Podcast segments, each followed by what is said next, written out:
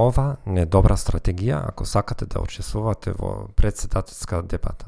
Ова можеби не е и најдобрата стратегија ако вашиот противник може брзо да побегне и ако сакате да остави добар впечаток кај луѓето околу вас. Ова може да биде многу корисно ако имате конфликт со вашиот шеф или со вашиот сопружник. Тој или таа ве напаѓа. Наместо да се обидувате да испекнете понатомошни критики, вие го охрабрувате другиот да ја искаже сета критика што може да се замисли против вас. Ова го правите активно.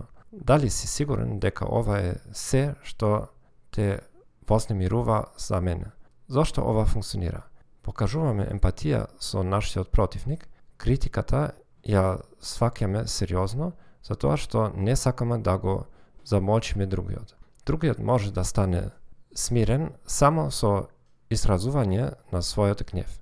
Едноставно добиваме време за да подготвиме собствен одговор. Ги запознаваме сите скриени аргументи против нас, за да можеме да одговориме на сето тоа.